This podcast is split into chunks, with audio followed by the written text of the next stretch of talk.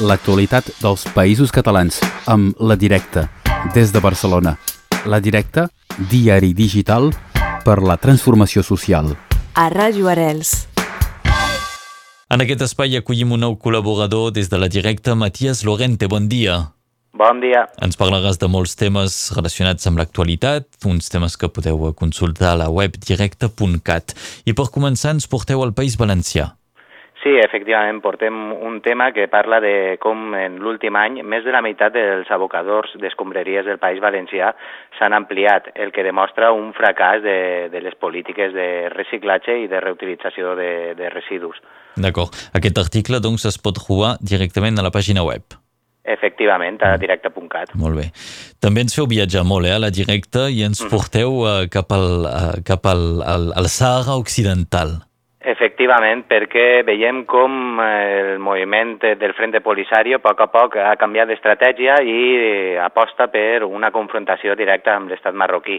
Això es deu en gran part per els 30 anys de desesperança que ha patit el poble davant d'una promesa d'un referèndum que finalment mai ha arribat. Mm -hmm. I per això és actualment que està revifant, no?, aquesta mobilització? Exacte. Eh, hi, ha que, hi ha que tenir en compte que els, els últims acords de pau són de l'any 91, per tant, molta de la població és molt jove i no va viure aquests acords, aleshores tenen un gran component de desencant amb aquests acords i, i aposten per canviar d'estratègia per, per poder internacional el conflicte i arribar a, a, a tenir la, la sobirania de, del seu territori.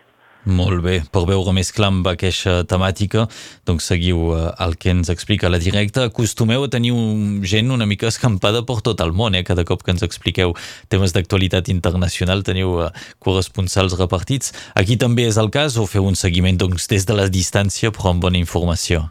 En aquest cas, el seguiment és des de la distància, però Sí. cal tenir en compte que a l'estat espanyol hi ha una àmplia xarxa de suport al, al poble saharaui, tenint en compte que era una antiga colònia espanyola, i aleshores, diguem que els contactes són molt directes i és molt fàcil accedir a, a la informació del que està passant allà ara mateix. Molt bé, vet aquí doncs per aquesta actualitat al Sahara Occidental.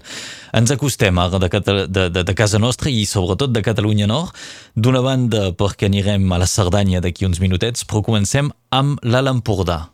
Exacte, se n'anem a la Serra de l'Albera perquè hi han diversos projectes de macrogranges que eh, amenacen eh, l'espai natural que, que és l'estany Llampol. Es tracta d'un estany eh, tem temporari, és a dir, que no sempre té aigua, però que és d'alt valor ecològic i que ara es veu en risc per un macroprojecte de granja que, que, que pretén incloure pues, eh, vora 2.000 exemplars de porc a, a, als terrenys d'alt valor ecològic. Mm. Això amenaça doncs aquest estany, es diu uh, Llampol. Exacte, Sí. l'estany Llampol, i està situat entre Capmany i eh, Sant Climent de ses Cebes. Molt bé. I ara doncs sí que anem cap a la Cerdanya i ho farem perquè una entitat ecologista alerta de la talla d'un bosc protegit. Sí, l'explotació i l'aprofitament de la fusta al terme municipal de Ger, en un dels, en un dels últims reductes en territori pirenaic on habita el gai fer, pues ha evidenciat el conflicte latent entre l'extracció de recursos naturals, la protecció del medi ambient i la, pres eh, la preservació de la biodiversitat. No? Amb eh, grups ecologistes que, que s'oposen a, a aquestes tales, pues, do- precisament per això, no? per ser un, un terreny on, on hi ha proves de que s'ha trobat l'existència o, o, o sí, Sí, el, el, pas, de, el pas de llenyataires doncs, tampoc és massa discret, no?, habitualment. No, no. exacte. doncs sí, vet aquí el que passa a la Cerdanya cap al poble de Ger, ens dius, eh?, el terme municipal. Mm, Molt bé. Exacte. Bon, molt bé, no, però aquesta és la informació que ens feu arribar. En tot cas, eh, la directa alerta d'aquesta situació ecologistes doncs, que, que, que es queixen de la talla d'aquell bosc. Ara també de, et vull demanar informació per un tema que, del qual ja hem parlat uns quants cops, però en fem un, un seguiment. La directa va revelar un cas, una investigació, en què hi havia una suplantació d'identitat de diferents persones a través d'internet. Podem recordar de, de què es tracta? Eh, sí, efectivament, es tracta de, pues, en la suplantació d'identitats de, de diferents activistes de, dels moviments socials eh, de Barcelona i Catalunya. Eh, la directa vam investigar i vam resseguir aquestes suplantacions i vam veure que una de les IPs eh, anava directament, assenyalava directament a la Comissaria General d'Informació dels Mossos d'Esquadra, situada a, a Terrassa, i en aquest cas la novetat és que el jutjat d'instrucció número 9 de Barcelona ha admès a tràmit la querella interposada per la portaveu de la Forja, Juna Berlanga, que era una de les persones que havia vist com la seva identitat havia estat suplantada. D'altra banda, també avui o, o ahir es va fer públic un comunicat per part de Sanitaris per la República eh, en el que el col·lectiu eh, també informava d'haver sigut víctima d'una d'aquestes suplantacions.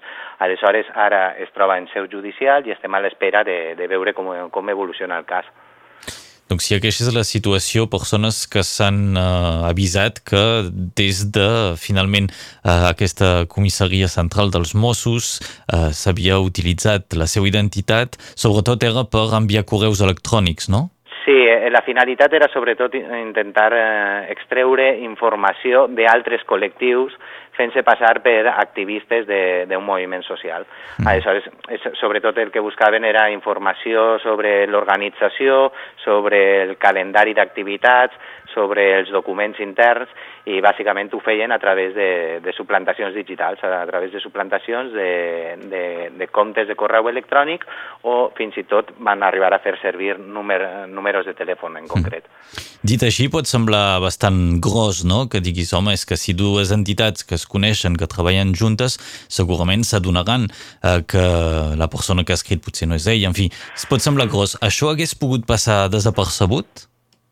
Eh, segurament, segurament. Eh, de fet, eh, el que va començar amb un parell de casos, després de la investigació de la directa, s'ha vist que s'ha fet extensiu a més moviments.